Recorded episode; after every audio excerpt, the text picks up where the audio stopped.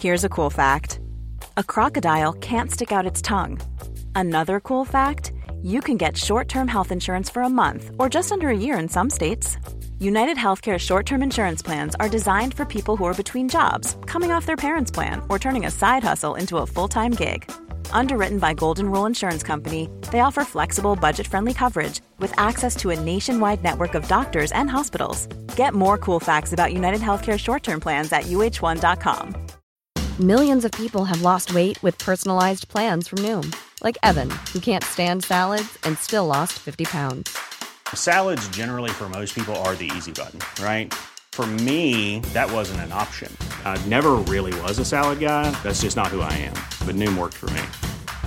Get your personalized plan today at Noom.com. Real Noom user compensated to provide their story. In four weeks, the typical Noom user can expect to lose one to two pounds per week. Individual results may vary. I'm Sandra, and I'm just the professional your small business was looking for. But you didn't hire me because you didn't use LinkedIn jobs. LinkedIn has professionals you can't find anywhere else, including those who aren't actively looking for a new job but might be open to the perfect role, like me. In a given month, over 70% of LinkedIn users don't visit other leading job sites. So if you're not looking on LinkedIn, you'll miss out on great candidates like Sandra. Start hiring professionals like a professional. Post your free job on linkedin.com/people today.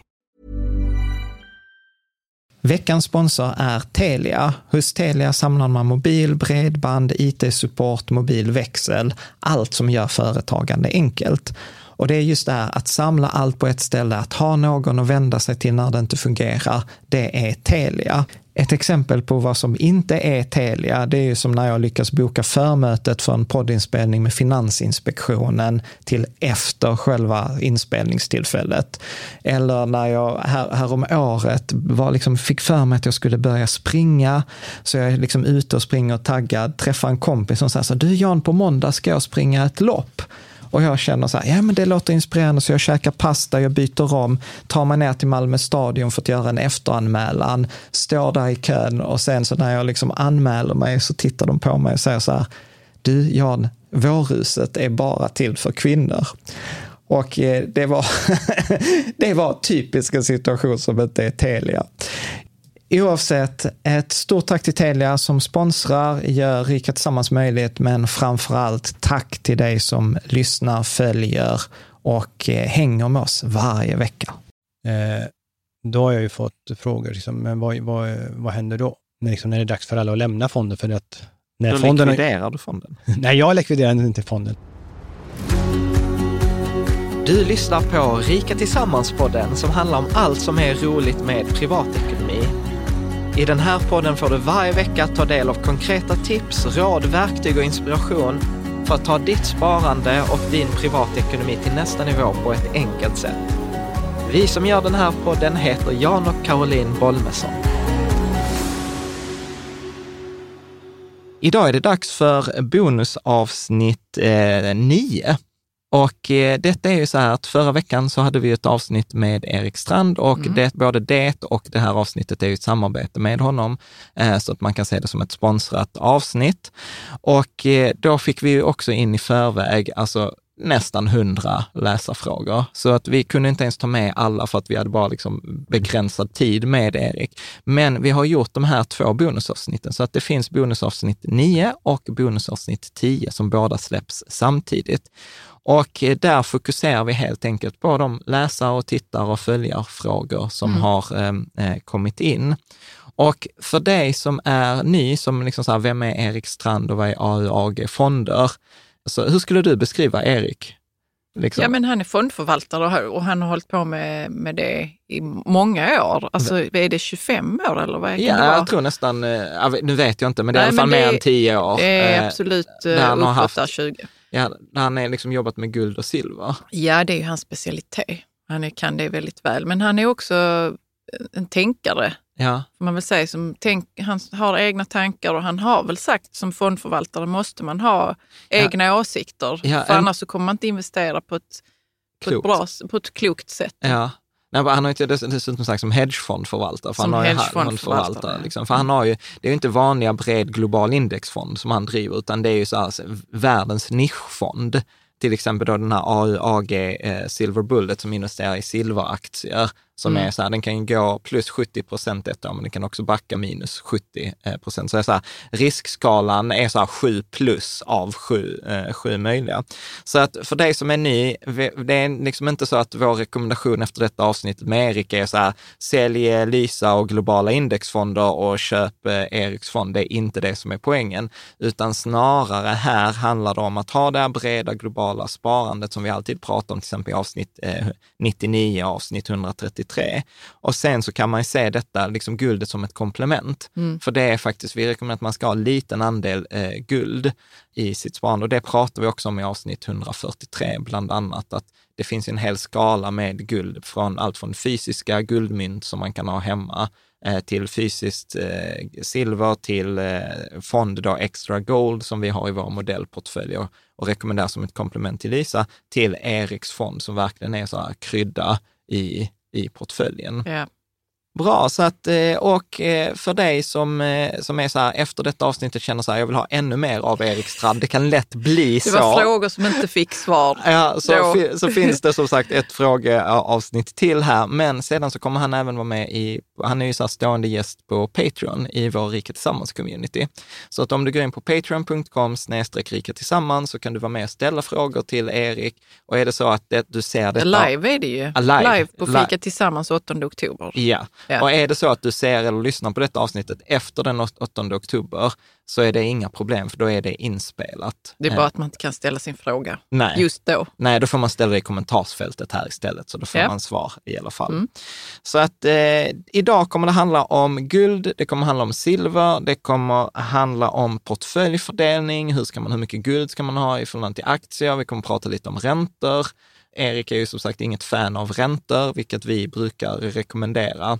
Så att eh, vi hoppas att eh, du kommer gilla det, det är bara att luta sig tillbaka och eh, här kommer Erik. Varmt välkommen tillbaka Erik Strand. Du är ju fondförvaltare i eget bolag, AUAG Fonder, och du har ju två stycken fonder, AUAG Silver Bullet, AUAG Precious Green. Och eh, du har ju en liksom lång bakgrund i finansbranschen, du har varit hedgefondförvaltare, du är en av de mest uppskattade gästerna vi har på Rika Tillsammans och du verkligen så här brinner för det här med eh, då guld och silver och framförallt så här, vart är vi på, på väg i världen? Så välkommen tillbaka. Tackar. Jag tänker i detta avsnittet så kommer det vara i princip bara läsarfrågor. Eh, och vi kommer tänka att vi kommer prata om makro och dina fonder. Eh, Och vad är nu makro? Eh, makroekonomi, vad, hur ska man bes- beskriva Ja, makro? det är ju de stora sakerna som händer i världen. De alltså, stora- som som påverkar ekonomin. Ja. Ja. Mm. Och eh, det är så roligt för att det är till exempel Melker Karlberg och Damon och Willy Samuelsson på Facebook och alla är så här, makro, makro, makro ska du prata med Erik och det är kul att höra vad han säger. Han får gärna berätta i stora drag om världsekonomins eh, framtid. Vi då- var ju inne lite på det i, i, i för, förra, förra, avsnittet. avsnittet, ja. precis, i det avsnitt som vi har publicerat i samband med det här. Men om du skulle liksom sammanfatta de breda penseldragen i några få punkter, vart upplever du att vi är på väg?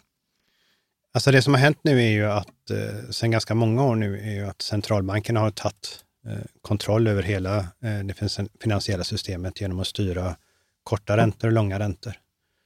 Eh, och vi har haft lite olika, egentligen deras agerande som har styrt mest och eh, vi kan säga att 2019, våren, när USA så att säga, hade en period där man höjde räntorna och ville ta sig ur stimulanserna lite grann och börsen fick problem.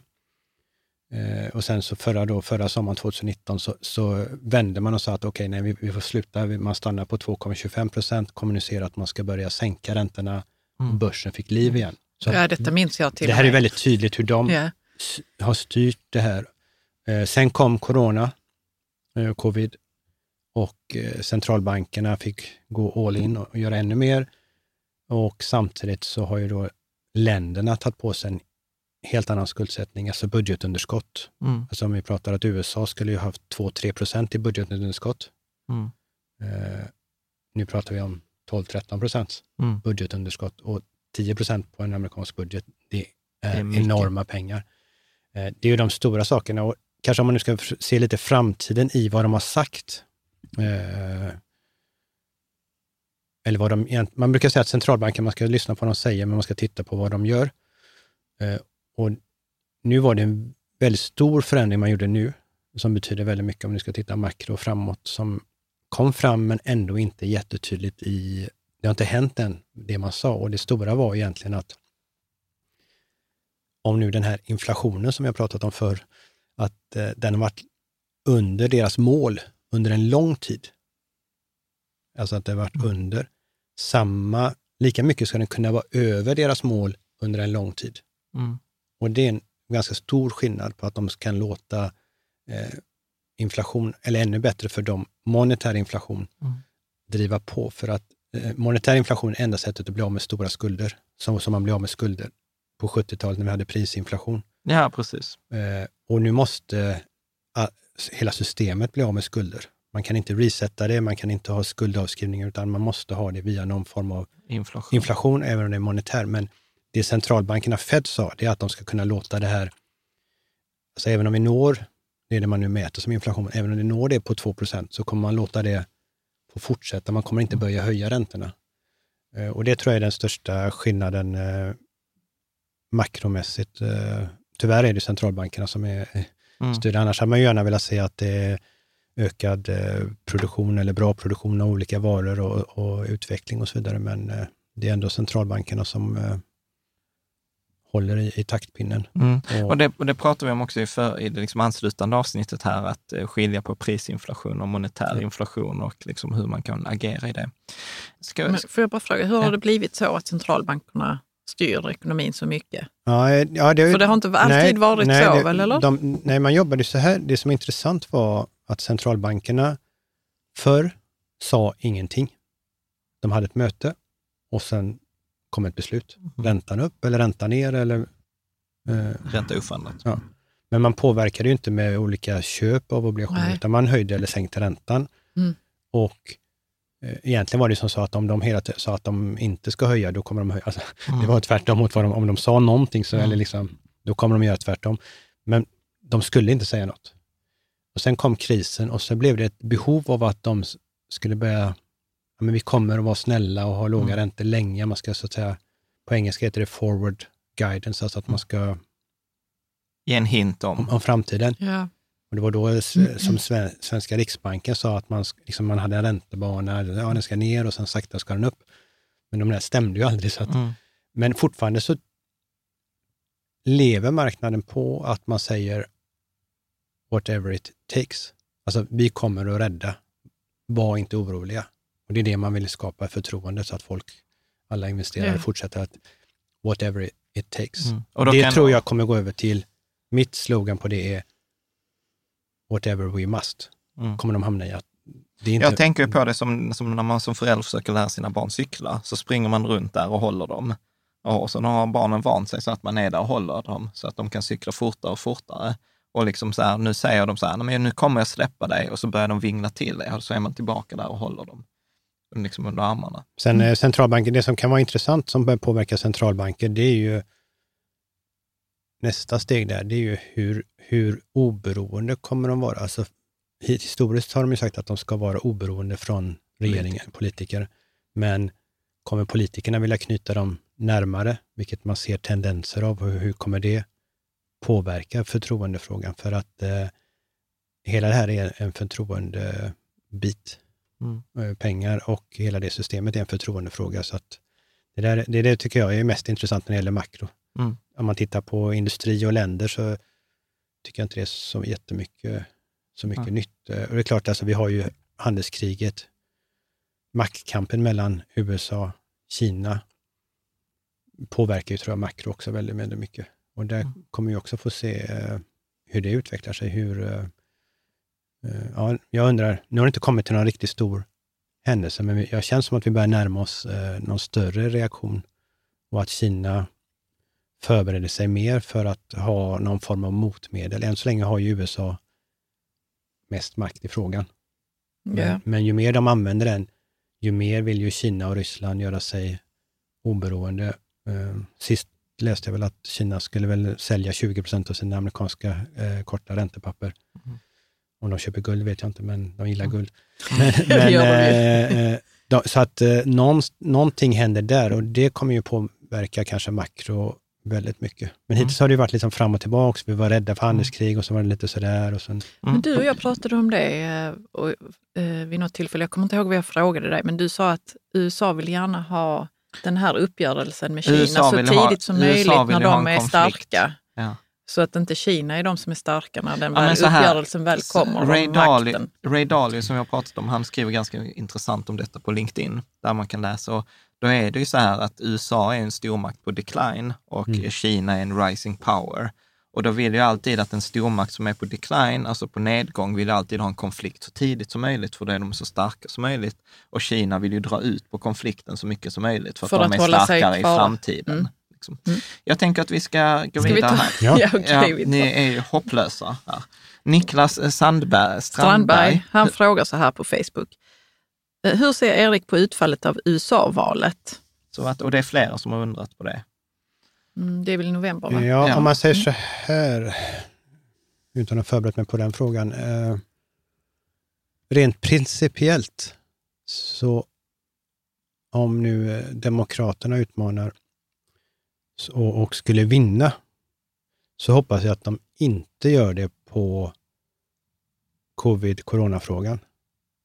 Alltså Mm. att de lägger för mycket på Att, att eh, Ja, det Donald var Trump dåligt. skötte det dåligt. dåligt. Alltså, att de vinner Eller? på, ja. Mm.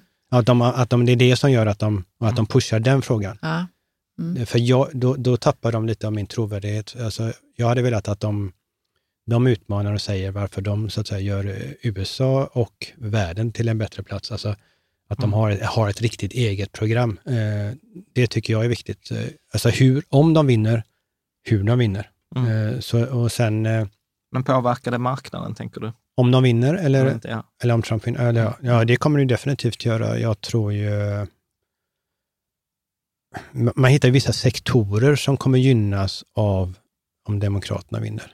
Alltså för, för green tech kommer det ju vara mycket bättre. ja, det är klart. För eh, olja och kol kommer det ju vara sämre om, om Demokraterna vinner. Alltså det, där Mm. finns ju vissa tydliga sektorer.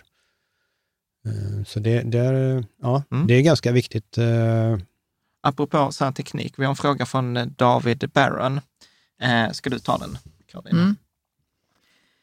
Eh, ja, han är intresserad av en kort kommentar om ny tekniksektorn och dess nuvarande värdering. Jag är precis som du Jan livrädd för en smäll där. Största varningstecknet jag själv har sett. Mina vänner som aldrig annars pratar om aktier och sparande pratar helt plötsligt om hur enkelt det är att tjäna pengar på börsen. Jag har vänner och bekanta som har hela sitt sparande i små bolag som inte går med vinst och har en aktiekurs som gått upp 100% senaste tiden. Vem är idioten i rummet? Jag eller dem? Det var en lång Nej, fråga. Men... ja men alltså vi ser ju fenomen här som inte är särskilt roliga i marknaden. I USA finns ju det här som går under Robinhood. Jag vet inte varför man använder Robinhood.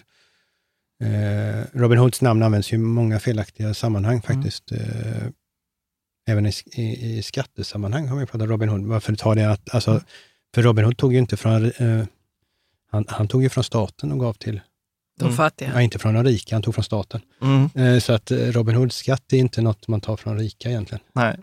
Eh, och nu finns det det som heter Robin Hood-konton, alltså där man har en massa små aktier som e- egentligen inte kostar något, där rörelser blir väldigt eh, procentuellt stora och skapar eh, mycket haus, liknande Mm. det vi pratar om här. Och, eh, man såg ju att mycket av de här, många av de som köpte, fick checkar i USA, de använde det inte för att köpa mer mat, utan de gick och köpte Aktier. gamla på, på, på aktier som en slags kasino. Plu- Plus att hela bettingindustrin la ju ner. Så att folk flyttar Ja. ju från sportbetting till aktier. Och man kan ju se här när man ser fenomen när, när det blir splittar på aktier för att de ska få en lägre kurs Mm. och sen så går de upp i värde. Mm. För att människor tror att de har blivit billigare. Mm. Och då har man inte förstått Så- någonting. så- och det, då, då, alltså att man, man, man, Så att jag den ska inte gå upp på, på, på det, utan eh, så det en split är ju bara en teknisk sak, för, Mm. för att, eller saker för att det ska bli... Men vad tänker du så här generellt? För jag har ju liksom så här, jag, tyck, jag upplever ju bubbeltendenser in i teknik, jag upplever bubbeltendenser i Tesla till exempel. Så här, är jag idioten i rummet eller är det de andra? Än så länge är det ju jag. Så att jag bara undrar så här, kommer jag fortsätta jag vara det? Eller kommer det komma en dag då jag inte är idioten i rummet? Ja, men man har ju man har lite olika scenarier här. Alltså ny teknik tror jag att vi man måste dela upp lite. Alltså, jag tror ju på, alltså om ny teknik handlar om eh, Fang. Fem. Nej, ja, men alltså nej, för mig är ny teknik nyare än dem, för de tycker jag är Ja. lite gamla. Okej, det är väl inte de skitsamma. stora- Men, men, Men- när man pratar ny teknik Nej, men jag idag, tycker så det- Prata om pratar- små bolag här. Nej, men precis. Ofta ny teknik tror jag i den är ju ofta, ett, till exempel då, de fonderna som, till exempel, det finns som fonder som Ja. heter bara ny Ja, teknik, ja.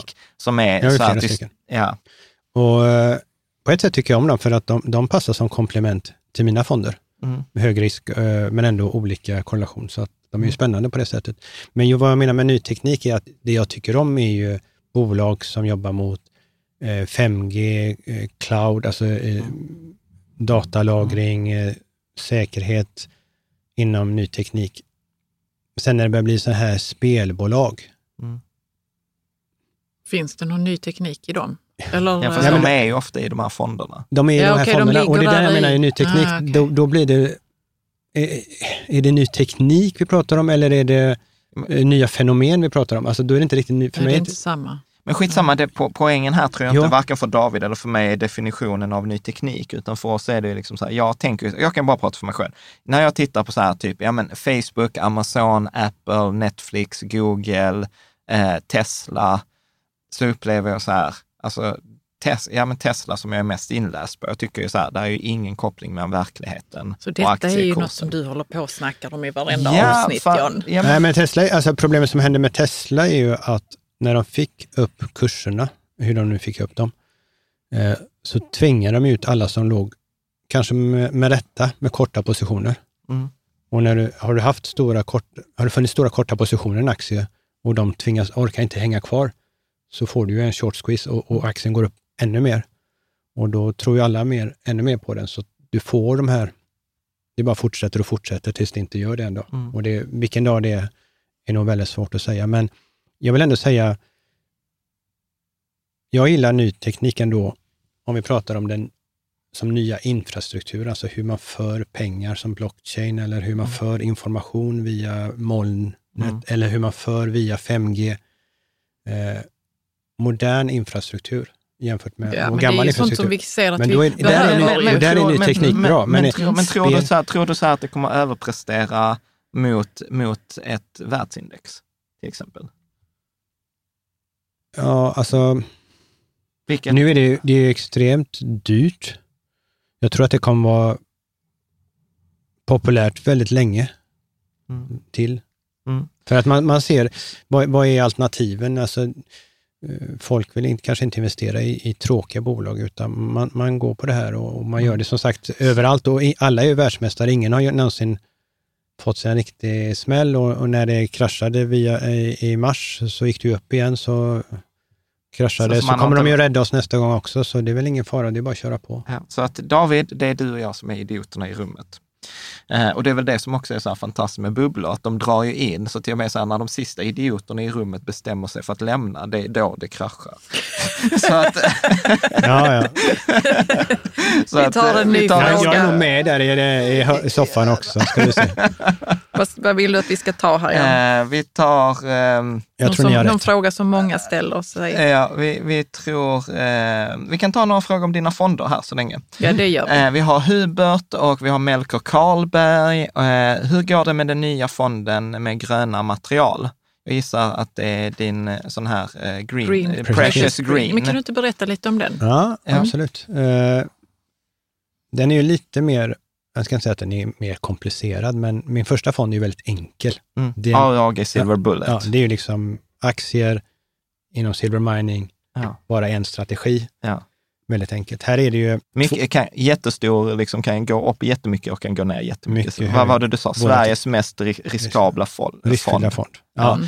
Det, sen ska man ju gå in på vad är risk egentligen, men det kan vi ta som en bifråga sen. Eh, men eh, volatilitet har vi där Mm. och väldigt enkelt.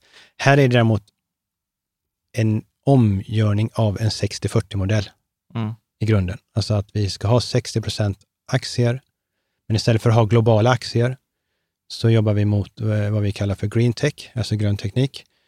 Och istället för att ha 40 procent obligationer så har vi 40 procent guld i fonden. Mm. Så för att få en jämnare avkastning, eh, särskilt Så- min första fond. Så egentligen gör du det som vi pratade om i förra avsnittet, att ha en 60-40-portfölj, men vi tar bort räntedelen, för Ja. vi tror inte på den i ett, det scenariot som du ser framför oss. Och, då så är det- byter vi ut aktiedelen mot en global, lite halvtråkig modell till en megatrend som vi då ser i grön teknik. Eller den gröna, och, och vad som är intressant med den gröna delen, om 60 procent så att säga, Mm. det är också att vi, eh, eller ja, ska jag säga, inte angriper, men vi, vi kommer in på hållbarhet från ett annat, eh, från en annan sida än alla andra fonder i Sverige. Alltså, det finns så mycket hållbara fonder. Alla fonder är, hållbarare än den andra. men, men det är mycket där. Och vad som är bra på ett sätt är att okay, de investerar i alla bolag som sköter sig för att eh, Deutsche Telekom kanske har den bästa ratingen av alla bolag, att hur de sköter sig eh, med papper och allt, all, allting vad de gör. Från, liksom, eh, och då får de en hög rating och stoppar en fondförvaltare in det bolaget i sin fond. Och många sådana liknande bolag så får ju fonden en väldigt bra rating. rating. Eh, Men jag ser ju mer hur en investerare ser på den gröna trenden. Alltså varför investerar jag i den gröna trenden? Så vi vill ju ha bolagen och de sakerna som gör det möjligt att skapa en grön värld. Mm. Det är alltså inte i första hand de bolag som har högst Rating. ratingbetyg, Nej. utan, Mm. och då har vi fyra strategier där. Den ena, i, i de här 60 procenten, den ena handlar om de ämnen som behövs. Och då kan ju någon säga, men vänta nu, vi kan ju inte, att utvinna, öppna en gruva och ta fram ett ämne, det, det är ju inte bra för världen. Mm. Eh, Men då säger vi att eh, tar vi inte fram de här ämnena så kan vi inte göra en grön värld. Alltså Mm. utan koppar eller silver eller litium så kan vi inte göra en grön värld. Alltså det är en utopi om vi tror att vi kan ha en grön värld utan Mm. det.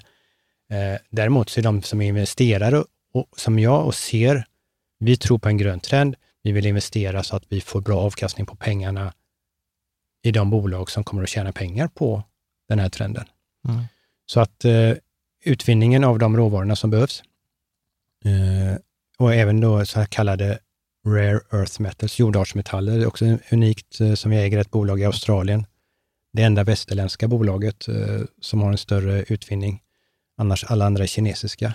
Och det är också väldigt intressant, särskilt om det blir lite, vi pratar handelskrig eller för Kina äger den marknaden. Men det finns ett australiensiskt bolag Mm. eh, som vi äger och USA håller på att göra avtal med dem också, man får, får säkra sina eh, leveranser av detta, dessa Vad väldigt viktiga ämnen. till? Eh, All high jord- tech. Jordartsmetallerna. All, all high tech. Eh, Mm. Mm. Telefoner och så. Ja, eh, magneter och, och allt, inom, allt som är Mm. viktigt idag. Mm. Mm. Men eh, vad vill jag säga? Och sen är det tre strategier till och det ena är hur man eh, skapar energi, alltså solenergi eh, till exempel. Och det andra är då hur man lagrar energi. Och det fjärde benet är hur man eh, minskar energiförbrukningen eller återanvänder saker som behövs inom den gröna tekniken. Mm. Så det är fyra olika strategier, men och allt bygger egentligen på elektrifieringen av eh, vår värld. Och du har, du har en bra bild på din hemsida Mm. som visar just den här, de här delarna. Ja. Eh, Där står alla bolag också Ja. som vi äger. eh, du, eh, en fråga här från Martin eh, Wallin. Han skulle, skulle läsa Ja, ja, jag kan ta det.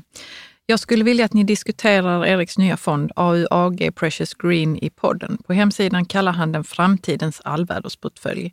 Skulle den rent av kunna ersätta Rika Tillsammans-portföljen? Det var en fråga som jag själv hade. Att Ja. du kallar den för en allvädersportfölj. Alltså allvädersportfölj är ju så att den ska ge, funka i alla ekonomiska klimat. Mm. Eller att den ska gå, tror du att en sån här po- portfölj kommer gå Ja, ge man- en positiv avkastning varje år? Tro är en sak, vet en annan, men, och framtiden är den tredje. Men eh, alltså man kan säga så här, vi har ju den mixen jag pratade om precis. Mm. Samtidigt så har den ju en, den har ju en lite förenklad modell utav våran Dragon-portfölj på ett Mm. sätt. Alltså att vi har en gulddel, sen har vi mer guld för att vi har inga obligationer och så. Mm. Eh, vi har en råvarudel som man nu ska kalla det för eh, eh, trending Mm. eh, commodities Mm. som finns med i, i, i Dragon Portfolio. Och sen så har vi ju global makroaktier. Alltså vi har, Mm. vi har inte volatilitetsindex, det är inte riktigt allting, men där har vi då, vi har mer Mm. guld än i den. Så det finns lite av de, eh, eh, jag ska inte säga tankarna, men att jag vill att det skulle passa in där också som en Mm. förenklad modell av det. Mm. Eh, Det, men, säga, eh, och det, det, det var ett avsnitt, jag tror det var 144 eller något sånt, där vi Kanske. pratade om just det här med drakportföljen. Den är Så- väldigt avancerad, så att Mm. det, det här är ju en lite förenkling så sett. Men eh, eh, med tanke på att aktier och guld har en ganska låg, eh, eller väldigt låg korrelation, noll, Mm. eh, så tror jag att vi kan skapa ganska bra. Sen eh, har vi ju också att, men, vi är ju ganska mycket dollarexponerade som är utanför Sverige och eh, det skapar ju också en viss balans för svenska investerare. Mm.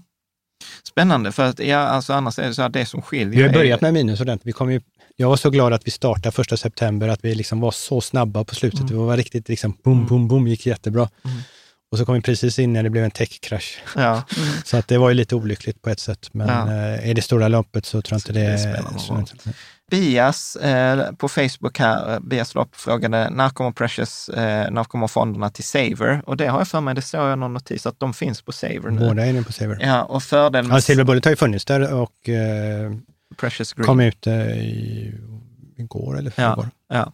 Och se, jag, jag igår. brukar Då ju... får ni visa detta, men i måndags den... Ja, eh, precis. Den sju, sju, sjun- sjunde, ja, sjunde sjunde. september. Eh, och vi kommer att prata också, Saver är som Avanza och Nordnet, fast fonderna har ju lägre avgifter där. Så man sparar, tror jag, 0,4-0,5 procent i avgift. Men det man kan säga är att vad som är viktigt i den nya fondvärlden är att för oss spelar det ingen roll var, Du har var någon köper fonder. fonderna. Nej, och de finns ju på Avanza Nordnet. Men för oss spelar det ingen roll, utan Nej. det är egentligen hur de eh, plattformarna gör. Ja. Vi kan ta en fråga eh, här eh, som är från Asker och Johanna eh, som på Patreon. De skriver så här, jag investerar i Silver Bullet-fonden eh, men tycker inte att den har gett någon överavkastning mot silverpriset. Erik har tidigare sagt att gruvbolag ska avkasta mer än silver som råvara. I min portfölj så ligger fonden och silver som råvara ungefär 40 procent upp båda två. Uh, ja, alltså vi pratar ju om en, uh, ungefär alltså att det går upp två, tre, tre gånger över en cykel, uh, priset, så det stämmer. Tittar man kortsiktigt så kan det vara så att du har perioder när bolagen går före råvaran eller att du har att rå, tvärtom råvaran går före bolagen. Så du har ingen automatik, liksom att varje dag går silverpriset upp 2% så går bolagen upp 5% och tvärtom ner. Nej, okej. Så att någon sån automatik finns det inte, men i grunden bygger det på att eh, bolagen har en kostnad för att utvinna silvret. Eh, och då blir det liksom mellanskillnaden och när priset på silver ökar där så blir den procentuella skillnaden mycket större än för själva silverpriset. Så att det finns en naturlig koppling till det. Sen har vi haft en väldigt speciell situation nu som är väldigt intressant, så det är en väldigt bra fråga. Att, eh, jag ska försöka ta den så kort som möjligt. Men i och med att vi hade covid, corona, så stängde ju många Företag. företag ner och, och gruvor stängde ner. Eh, så att då har jag haft ett, ett minskat eh, tillgång på silver, så att du har fått priserna att stiga av det. Bolagen får ju inte sina vinster nu, utan bolagen, tyvärr är så i finansvärlden så reagerar, det är mycket datorer som reagerar på eh, rapporter. De läser rapporterna bara tch, tch, tch. Mm. och sen så är, är orden skrivna så och så, så säljer de bolagen och är de skrivna så och så, så köper de.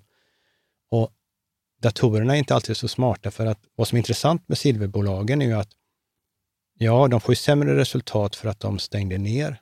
Priserna var inte så jättehöga under kvartal två. Men deras tillgång, deras värde är ju det som är i marken. Och det har inte försvunnit för att de stängde ner. Andra bolag som producerade saker, de blev av med produktion. Mm. Men här är det ju kvar. Och resultaten till Q3 kommer bli väldigt, väldigt intressanta, för nu är det liksom full produktion, till och med kanske vissa försöker överproducera det de missade, för de tar ju fram, det är samma mängd som man hade i marken, det har inte försvunnit och priserna är väldigt mycket högre. Så vi kommer ju se, kunna se explosionsartade perioder för bolagen, när, om nu datorerna reagerar på Q3 i början på oktober då, eh, och om de resultaten är bra så kommer de trycka fram priserna på bolagen. Så vi kommer, det kommer inte gå i någon jämn kurva. Nej. Sen är det viktigt att många tittar på silverpriset i fel valuta. Så vi, fonden är ju alltid i, i kronor. En del tittar på silverpriset i dollar och eftersom dollarn har tappat 10% mot kronan så gäller det att dra av de 10 procenten när man jämför utveckling. Eller lägga på 10% på fondens avkastning. För det att hade vi Ja. vår fonds avkastning i dollar Så hade bättre. 10 procent mer, så att det är också viktigt när man jämför. Mm. Precis, för att det var det Johanna skriver också, att hon skriver att vissa eh, enstaka gruvor kan sv- svinga upp och ner under en kort tid, men, men att just nu har det gått i hand i hand. Men så du, tror- du tror att vi kommer att se, med tanke på rapporterna, så tror jag att vi kommer att se en uppsving på bolagen.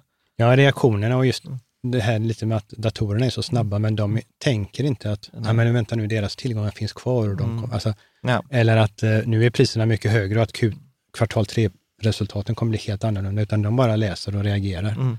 Precis. Ola Asparén eh, hade en fråga som, som så här, bankernas manipulation av silverpriset är jag inte helt säker på att jag har förstått. Erik får gärna dra en kort sammanfattning och berätta hur silverpriset utvecklats samt vad vi kan förvänta oss.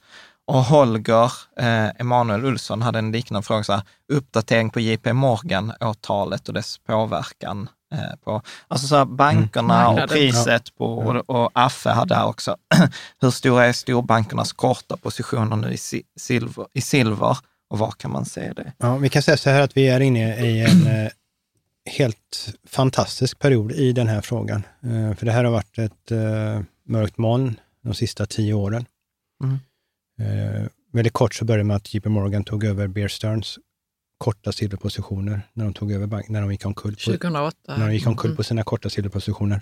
Och korta si- silverposition innebär att man tjänar pengar på nedgång. Ja, så gick Och, priserna så, upp. och går priserna upp så förlorar man pengar. Men Så JP man har Morgan- inget intresse av att priserna går upp. JP Morgan tog över det här och eh, har styrt marknaden under tio år, men har genom sin stora konst så att säga lyckats eh, köpa på sig fysiskt silver och varit korta med eh, Comex, råvarubörsen, silver, papperssilver i, i där. Eh, och tjänat pengar hela tiden under tio år. Men nu har JP Morgan är ute, har inga korta positioner, men sitter med världens största fysiska investering i silver och är alltså positionerad för en prisuppgång. Eh, samtidigt så har de andra storbankerna, som inte är lika skickliga, Mm. sitter fast i sina korta positioner sedan förra sommaren, både i guld och silver, med stora orealiserade förluster. Och under tiden så har det varit då en utredning på, mot bankerna. Eh, vi hade en bank som fick böter här nu för några veckor sedan, Nova Scotia, som har dratt sig, får dra sig ur. Eh, JP Morgan, där är det åtta handlare som är åtalade och det är inte av, eh, alltså det är av Department of Justice, alltså FBI. Eh, men vad man tror, vad man, man, man måste spekulera för man kommer aldrig få veta, för det banken har gjort där eh, skulle egentligen beröva dem på deras tillstånd och det kan, in, kan man inte göra. För de är för stora och det kommer bli bakom stängda dörrar. Eh, man kanske skyller på några handlare, men handlarna säger ju att de har fått uppdrag att göra vad de ska.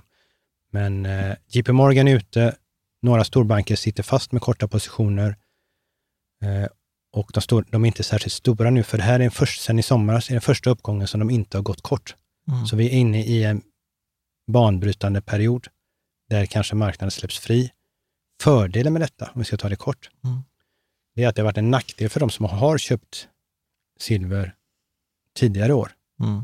För att vi Priset kommer, var få, vi kommer få, och vi kommer få en, en fjädereffekt, priset upp till ett, ett bordepris. Och fördelen med det, som sagt, det är de som kommer in nu, Mm. som får den här extra, för annars hade priset varit 45 redan Mm. och inte 28. Eh, Så det är ju en, eh, det är en möjlighet faktiskt. Men, Men, tror du, men, men vi har ju haft, jag tror att i våras, alltså om jag inte minns fel, så silvret var ju ner på 11 US-dollar per uns, för jag, jag minns, jag tror att jag köpte på 11 eller 12. Och sen nu när vi kollar, när vi spelar in detta början av september, så tror jag att den ligger på 28. Tror du, vad, vad tror du om silverpriset? Tror, om man ska säga så här, att, är, det inte, liksom, är det inte kört? Det har liksom gått upp nej, med... alltså det här priset 12, ja. det var bara ett, ett eh, på engelska rigged job, det var bara liksom en konstruktion Ja. för eh, att skapa, för de möjlighet att försöka köpa tillbaka sina korta positioner, vilket de inte lyckades med, för andra köpte ja. det eh, investerare sålde. Och det ser man ju på att ingen trodde, för att med den nedgången Ja. så skulle bolagen med sin hävstång på priset gått ner 80-90 procent. Ja. Och så mycket gick de inte ner. Nej. Alltså det var ingen... Men skitsamma, Så det- det är en men, dålig men, men, på- ja, precis, men, men säg den har legat på 14, 15, 16 har den ju legat länge. Och nu, liksom i flera ja. år. Och nu har, nu har den gått, gått till 28. Min poäng är så här, det har ökat med nästan 100 procent. Tror, det är det kört? Ja, är det för de som sitter och lyssnar nu så här, nej det, det är ett tåg som har gått. Eller är det så här, nej men tåget är fortfarande vid stationen. Ja, absolut, det är... Man kan säga så här, just nu så står det väl vid, vid station nummer två. Det har ju liksom Mm. lämnat en station. Eh, som vi gjorde till- Men, men nu Mm. är det på station nummer två. Men vi kommer att se ett tresiffrigt silverpris. Eh, Så, så att eh, 27-28 är liksom inte... fortfarande, Det är fortfarande lågt. Och för det som är intressant med silver, det är det enda ämnet på, på jorden där både investerare och industri tävlar mm, alltså om, om, om- att äga. Och det finns inga reserver. I guld är det ju bara investerare och i, an, i koppar är det bara industri. Mm. Men i silver har du både och. Och silver är det ämne som leder el och värme bäst. Så när det är viktigt att eh, ha bra överföring så använder du silver. Mm. Och i all ny, ny teknik, grön teknik, eh, som är elbilar, vi har sagt tre gånger så mycket silver, så att det krävs mer silver och de som har investerat i silver kommer inte släppa det förrän de ser klart, klart Mm. högre priser. Mm. Får jag bara fråga, har JP Morgan gjort något fel eller har inte de bara spelat väl? Eh, alltså man, eh, det är alltid farligt att säga att eh, kommer en advokat som säger att vi har sagt något om JP Morgan. Alltså, de måste, I så fall måste de ju dömas för, för det, men eh, de har gått kort alla uppgångar, eh, skickat ut, det de har blivit dömda för en del banker, det är så kallad spoofing. Mm. Det är lite, eh, men det är ett brott, det vill säga att man skickar ut ordrar som inte är sanna och för att Ja, trycka ja, ner har priser. Får de gå igenom, gå igenom Mm. bryta trender och sen så köper de tillbaka sina positioner. Eh, det har en banker blivit dömda för. Skulle man gå hela vägen och säga att det är marknadsmanipulation, eh, vilket man skulle kunna tycka, Argumentera för. Liksom. och, och, men skulle de dömas för det så då blir man ju av med sina tillstånd som bank, så att, för det är det grövsta brott man kan göra. Så att, Mm. Men det tror jag inte det landar i för att eh, de är för viktiga och det såg vi ju lite med eh, i Sverige när det gäller penningtvätt och storbanker. Och Mm. Mm. De att, är inte för riktigt, att inte, de är för viktiga för att dömas som en mindre aktör hade dömts mycket hårdare. Mm. Ja. Ska vi ta nästa fråga? Jan-Olof Andersson. Mm. Hur allvarligt är läget jämfört med när Erik kommenterade senast? Är de ekonomiska konsekvenserna av corona förbi eller har vi mer att vänta och vad kan hända om vi får en större andra våg, Vad tror du? tror du? Alltså det, jag, jag råkade jag ha rätt när det gällde börsen. Mm. Eh, Det jag har missat eh, faktiskt, det är att jag hade aldrig trott att staterna skulle bli så veliga. Eh, och jag har varit jätteglad att jag har bott i Sverige. Eh, jag har faktiskt inte jätteofta varit stolt för Sverige, men jag, nu har jag varit det i år och tycker det, jag tycker det är riktigt bra. Eh, och är orolig för de här länderna som har stängt ner så totalt Mhm. och sen öppnar upp och sen blir det kaos igen och så stänger ner och kaos igen. Eh, vi ska inte gå in i, i alla saker, vad som är rätt och fel i frågan, men eh, jag tror att de, alltså det här, vad de har gjort, de har skapat sån, jag själv vet ju inte när jag ska resa utomlands. Mm. Alltså jag, var, jag åkte ner, det var, det var inte kul. Eh, Och jag reser ju för att det ska vara trevligt. Ja. Det var inte roligt, så jag gör inte om det. Och nu Var, vet jag inte, då? nej, till Frankrike Ja. bara. Och, eh, och det var inte kul att, att flyga och resa. Och jag gillar att resa och flytta på mig. Mm. Fri, ha frihet över gränser som är liksom en grundrättighet inom EU. Som liksom, nu har vi murar, vi ska Mm. inte kramas eller vi ska distansera oss. Jag vill Mm. att vi ska, människor ska vara nära varandra. Så det går helt emot vad jag, vad jag känner för som människa. Mm. Och, eh, men just det här av och på som de gör, och jag ser mycket, mycket i Tyskland hur de gör, alltså jag tror, eh, det hade jag inte räknat med att de skulle, att de skulle liksom vela så mycket och skapa, och ska, försöker bara skapa politiska poäng, alltså länderna, de stänger bara för att de inte ska kunna bli, eh, alltså det var så väldigt bra i Sverige att det inte Mm. varit politiskt, utan att det har varit en myndighet. Mm. Men det har blivit så politifierat utomlands. Så att, Tror du att vi kommer att se så där är, jag är inte rädd för en våg av själva viruset Mm. i sig igen, utan jag är rädd av att de, hur de hanterar och att de stänger ner och de kostnaderna eh, ska tas på något sätt. Och det gör de ju genom att finansiera det via framtiden. Mm. Det är ju inga kostnader vi betalar. Det är inte så att vi alla betalar 10% mer skatt i år. Nej, Nej. och då, blir, och då blir det liksom tillbaka till det där med skuldsättning och då är vi på det Ja. scenariot med, Men, med men, inflation. men viruset, alltså jag, jag, jag, tror, eh, jag tror den svenska modellen är rätt och jag tror att eh, statistiken i framtiden kommer också visa att den svenska Mm. modellen Mm. varit rätt. Om vi hoppar lite tillbaka till din eh, fond här. Eh, Niklas Mortensson undrar, varför köpte han inga svenska aktier till den nya fonden? Till exempel Aselio borde ha passat. Är det för att aktierna inte är tillräckligt likvida? Ja, det är väldigt viktigt i, i början att eh, det finns en storlek i Mm. aktien och att den handlas och är likvid. Så att det tittar vi på. Mm. Men eh, det är inte främmande. Alltså, vi, Sverige har ju en del intressanta bolag på gång där. Sen kommer Thomas Verlin. Ska du ta den, Caroline?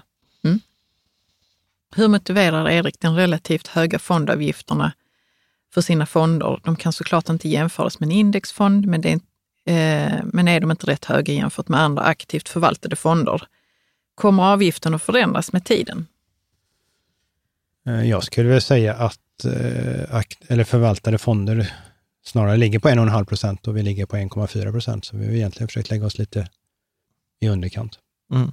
Och, sen, och sen är det ju som tipset med Saver till exempel, som vi faktiskt också har en sponsrad länk till. Därför, där kommer man ner till 1 procent. Liksom. Ja, eller alltså det som är fondförvaltningsavgiften där är ju 0,7 procent. Ja. Sen när man räknar in transaktionskostnader, men det där är ju liksom debatterat och räknas, alltså det ser man inte på en eh, eh börshandlad fond, det ser man inte transaktions, det redovisas ju inte transaktionskostnader. Nej. Så det, det, är lite konstigt att ta med det egentligen, men det görs ju så att eh, mm Eh, så vi har ju, som fondförvaltare så har man ju egentligen bara halva fondförvaltning. Precis, för, för att Nord, alltså kutym i branschen är till exempel att Nordnet eller Avanza tar ju hälften.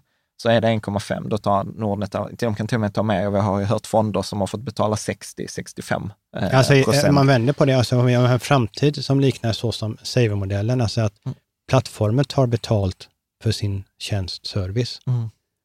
Då skulle ju fonderna kosta 0,7 procent mm. som fondförvaltningsavgift istället för 1,4 procent. Men, men där är vi inte riktigt i världen nu. Men, eh, nej, och, och 0,7 procent, om vi nu säger att det är det vi har, Tittar man på, det finns en amerikansk säger vi, ETF, den är ganska dåligt konstruerad som kan ha viss likheter med, med fond, men, men, men den, är, den har ett bolag som är 25 procent, mm. vilket är inte en bra konstruktion mm. i en fond. Eh, och den ligger på 0,65 procent och då 0,65 procent eller 0,7 procent. Mm, det är samma. Och sen ska man också vara så här att, att det är ju, det vet, det vet jag också, att när man startar en egen fond så har man ju mycket utgifter och inga intäkter. Så att det är också alltid så här mycket, mycket liksom, eh, svårare att kunna vara billig. Till exempel Länsförsäkring, många kan vara billiga för att de är så stora och funnits i många år. Det ser man ju i fonder som har sänkt avgifter. Så jag säger mm. inte att du behöver lova nej, att sänka nej, avgifter, nej, utan, men, men jag vill ha... De liksom avgifter lite... det kostar att starta fond och driva fond, de belastar inte fonden. De belastar... Dig? Ja. ja. Jo, så, att, precis, så det men, belastar men, inte fonden, men, men eh, eh, du kan ju säga så här, jag vet inte om, som sagt, det som, avgifterna är ganska låga mm. när man tittar på det. Mm. Eh, och det var väl någon, eh, jag tror det var, eh, var, kom någon lista, jag brukar inte prata om bästa listor, men det var en bästa lista mm. av 20 bästa listorna, mm. där vi råkade vara med mm. för i år. Eh, och då var vi den lägsta, eller näst lägsta avgiften av de 20 fonderna. Mm. Så att, ja, då tycker man är ganska låg i den jämförelsen. Ja, och jag har, ja, vi, vi går vidare. Jag har, jag har mycket ja. åsikter i den frågan. Ja. Eh, ska vi ta Andreas Lindholm på, på Facebook? Ja, han undrar så här. Som vi vet är Silver Bullet eh, väldigt volatil och svänger hårt utefter spotpris på dagsnivå. Är detta egentligen korrekt att det ska svänga så snabbt utefter spot? Bakomliggande företagen i fonden får ju nu bra mycket högre intäkter på denna nivå, vilket kommer visa sig framöver i deras resultat. Att kursen svänger med prisutvecklingen i trendform förstår jag, men att den svänger så hårt på dagsnivå. Hur ser du, Erik, på detta? Jag ska se om jag kan, så att jag förstår frågan. Mm. Nej, men jag, jag hörde frågan, jag, jag ville förstå den rätt. Ja. Eh, ja, men, jag... ja, men man kan säga så här att alltså, det finns lite rätt i frågan och, och det, det, kan man se att okej, okay, fonden svänger, men egentligen borde den ha svängt ännu mer. Eh, och särskilt de gångerna när priset har gått ner på silver, de dagarna, så har, in, så har liksom inte fonden gått ner. Det har inte gått upp lika mycket, det har inte gått ner lika mycket. Så, så egentligen skulle, eh, med de samband som brukar gälla, så skulle det, fonden ha svängt ännu mer. Så den, jag skulle nästan säga att den har svängt. Lite för lite? Ja, alltså för de, i och med att priset har gått upp, eh, och det går upp 4 så, så borde vi ha fler plus 10% dagar. Vi borde ha fler minus 10% Vi har haft några stycken, men inte... Eh, så att eh, det kommer att svänga. Men det, det, är det som är det viktiga med volatilitet. Alltså, om vi är, har rätt i caset på att vi, vi, vi är rätt positionerade för de kommande 5-10 åren med fonden, att det svänger i en uppåtgående trend, det är inte så farligt. Och jag är väldigt, väldigt glad för vi hade som sagt, den gången när silverpriset svängde ner riktigt mycket för eh, några veckor sedan, då trodde jag att det skulle komma uttag i fonden. Men det kom de största insättningarna någonsin, så att vi har fått investerare som köper mm. vid nedgång. Och i många fonder brukar få det tvärtom, att mm. folk börjar ta ut sina pengar. Men det kommer att svänga, men är man bara med eh, så gör det inte så mycket och då är det får en hög riskklass. Mm. Men egentligen så är ju risk att köpa något som kanske har, svänger lite men väldigt dyrt och högt Mm. värderat. Som vi såg på företagsobligationer. Liksom där på någon vecka eller dagar så för- försvann flera års Mm. avkastning. Mm. Alltså, där har du egentligen hög risk, fast de fonderna klassades, jag vet inte vilka riskklasser de var nere i, Mm. men det var riktigt Två lågt. och sånt. Två. Mm. Ja. Och då, det är egentligen risk, så att riskklass är inte riktigt Nej, samma men det, det kommer vi prata om. Vi har ju, vi ska Ja. ha ett frågeavsnitt till. Vi Ja. ska prata om det med till exempel volatilitet, för att det är ju skillnad på positiv, alltså så här, Men man skulle, man skulle ju kunna tänka sig att, liksom att eh, de som äger bolagen inte bryr sig om att priset svänger så mycket, för de, de Mm. så att liten poäng finns i frågan, men eh, jag har nog sett att den skulle ha svängt ännu mer. Okej, ja, men, Ja, men med tanke på de rörelser vi Ja. haft i priset. Patrik Berntsson, kan han rekommendera någon fond motsvarande AUAG Silver Bullet fast för guld? Eller du ser liksom ingen poäng med det, då kan man lika gärna Mm. äga, äga en guld-ETF.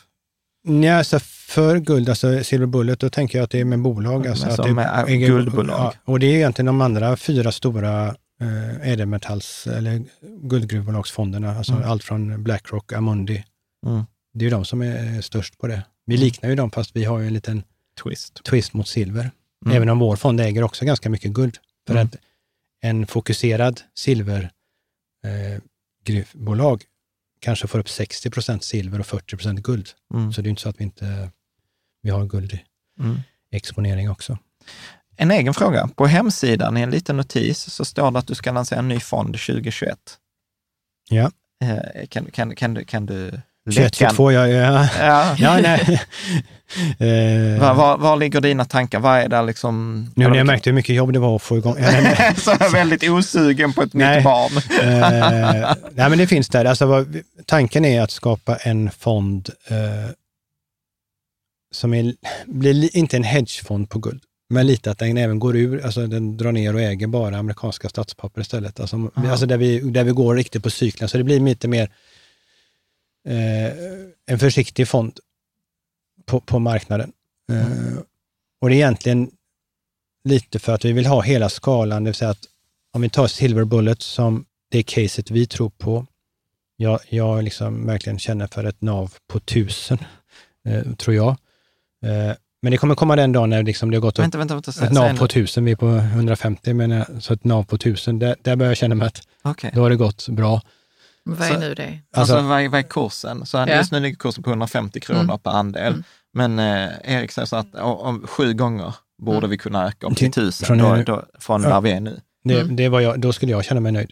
Mm. Men vi, när vi kommer vara på de höga nivåerna, vad de än blir, det kanske stannar på 800 eller mer, vi vet inte. Men när vi är där uppe, eh, då har jag ju fått frågor, liksom, men vad, vad, vad händer då? Liksom, när det är dags för alla att lämna fonden, för att när Då fonden... likviderar du fonden. Nej, jag likviderar inte fonden.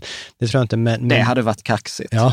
det, det hade varit så sjukt. Ja. Så bara, nu har vi haft den här uppgången, det var detta jag sa att jag skulle göra. ja, så nu kanske. stänger jag inte- jag har inte ens butiken. tänkt på. Nu stänger vi, så så startar nu- vi om den efter det har kraschat. Sen. Ja, ja, precis. Så nu är det dags att köpa aktier. Ja, kanske. Eller, Nej. Fan vad Eh, kaxigt. Alltså, ja. eh, Nej, ja. Därför tänkte vi i alla fall att vi har eh, den tredje fonden som, eh, och även eh, Precious Green som är ett mellanting då, Ja. i risk att eh, investera med samma avgift på alla fonder. Ja. Att investerare kan så att säga, vandra mellan Mm. fonderna. Mm. Eh, och vi kan också kanske tycka att det kan vara läge att vandra åt det hållet. Sen kommer en sån här Brummer Multihedge. Att Nej. du har en som placerar Nej. mellan de tre Ja. fonderna. Inga, såna, inga, knep, inga knepiga finansiella konstruktioner. Ja. Eh, tycker jag inte. Utan, eh, men att har de samma avgift eh, så gör det liksom att det, vi har inget intresse av Den ena för en. Men det är ju klart, det är allt, för det är ju tråkigt att ha en fond som, där man känner att det kanske är dags antingen lägga ner den eller att alla ska, de flesta ska lämna den och gå till någon helt annanstans. Då är det bra att vi har ett alternativ. Mm. Och det, det är den tredje fonden. Men Mm. eh, det, eh, jag tänkte mig ha dem i årstakt, men jag tror inte det är bråttom med den heller, för jag tror att silvercaset är mer än liksom ett eller två år, utan vi pratar fem, tio år, så att det är inte jättebråttom. Mm.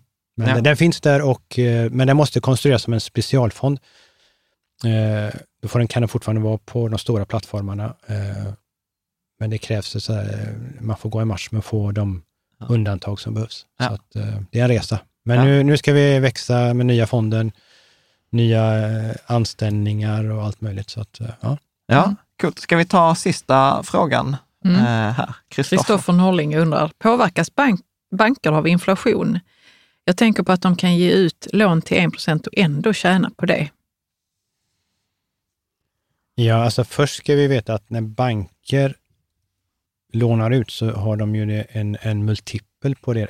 Förr trodde jag ju själv att jag satte in pengar på banken och de lånar ut samma pengar Mm. och så tjänar de på mellanskillnaden. Så trodde jag ju alla år. Mm. Men så är det ju inte, utan de, de gör ju många gånger de pengarna. För att de, de i, det här fractional reserve banking som vi har pratat om förut, Mm. hur de skapar ett en lånebaserat system. Så det är inte Mm. bara mellanskillnaden på mina pengar, utan det är, det är en hälften på upp till tio gånger Mm. det de tjänar. Så de tjänar ganska mycket på, på in och utlåning. Eh, och som sagt, eh, det är ju inlåning. Man sätter ju inte in pengar på banken, utan man lånar ju faktiskt pengar till banken och sen har de sitt system. Så att de kan absolut tjäna pengar. Eh, sen är det så att de har problem i den miljö vi är nu. Och särskilt de europeiska bankerna har det riktigt, riktigt jobbigt. Och vi har ju en stor bank, Deutsche Bank, så att säga, som där, jag vet inte hur börskursen är, det var väl ner 95 procent. Alltså inte repat sig när börsen i övrigt har gått upp. Och Mm. De sitter med enorma stora derivatpositioner som eh, kan fallera. Och, och, ja, ma- man, Tyskland försökte ju smälta ihop de två största bankerna, men Commerzbank är också ett problembarn. Så att Mm. Två problem inte säkert det blir mindre för att man lägger ihop dem. eh, eh, Så att eh, tysk, europe, och italienska banker ser ju inte heller bra ut. Och, eh, så att det europeiska banksystemet mår inte bra. Det Mm. amerikanska är lite säkrare och starkare, men europeiska har jätteproblem och särskilt i den här miljön. Mm. Bra. Jag tänker att vi, vi håller eh, faktiskt där. Och för att istället för att ha två timmars avsnitt så tänker jag att vi har två sådana här frågeavsnitt. Mm. Så att eh, jag tänker egentligen bara säga så här, tack så mycket Erik. Och eh, du som tyckte att eh, detta var intressant, eh, du kan ju bara ta liksom det sista frågeavsnittet här som vi har i anslutning, som kommer handla då, vi kommer bryta ner lite där med guld och silver, vi kommer prata lite om tail risk och vi kommer prata om lite, ja, lite spännande saker igen. Så Mm. tack så mycket.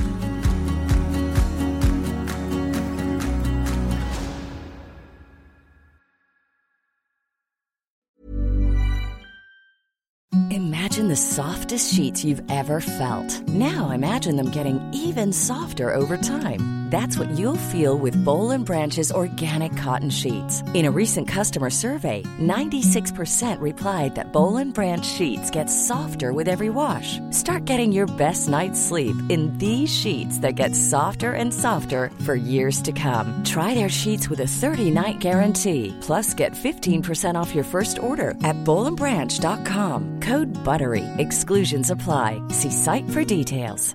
Hey, it's Paige DeSorbo from Giggly Squad. High quality fashion without the price tag. Say hello to Quince. I'm snagging high-end essentials like cozy cashmere sweaters, sleek leather jackets, fine jewelry, and so much more. With Quince being 50 to 80% less than similar brands. And they partner with factories that prioritize safe, ethical, and responsible manufacturing. I love that. Luxury quality within reach. Go to quince.com slash style to get free shipping and 365 day returns on your next order. Quince.com slash style. Mom deserves the best, and there's no better place to shop for Mother's Day than Whole Foods Market. They're your destination for unbeatable savings, from premium gifts to show-stopping flowers and irresistible desserts. Start by saving 33% with Prime on all body care and candles. Then get a 15-stem bunch of tulips for just $9.99 each with Prime. Round out Mom's menu with festive rosé, irresistible berry chantilly cake, and more special treats. Come celebrate Mother's Day at Whole Foods Market.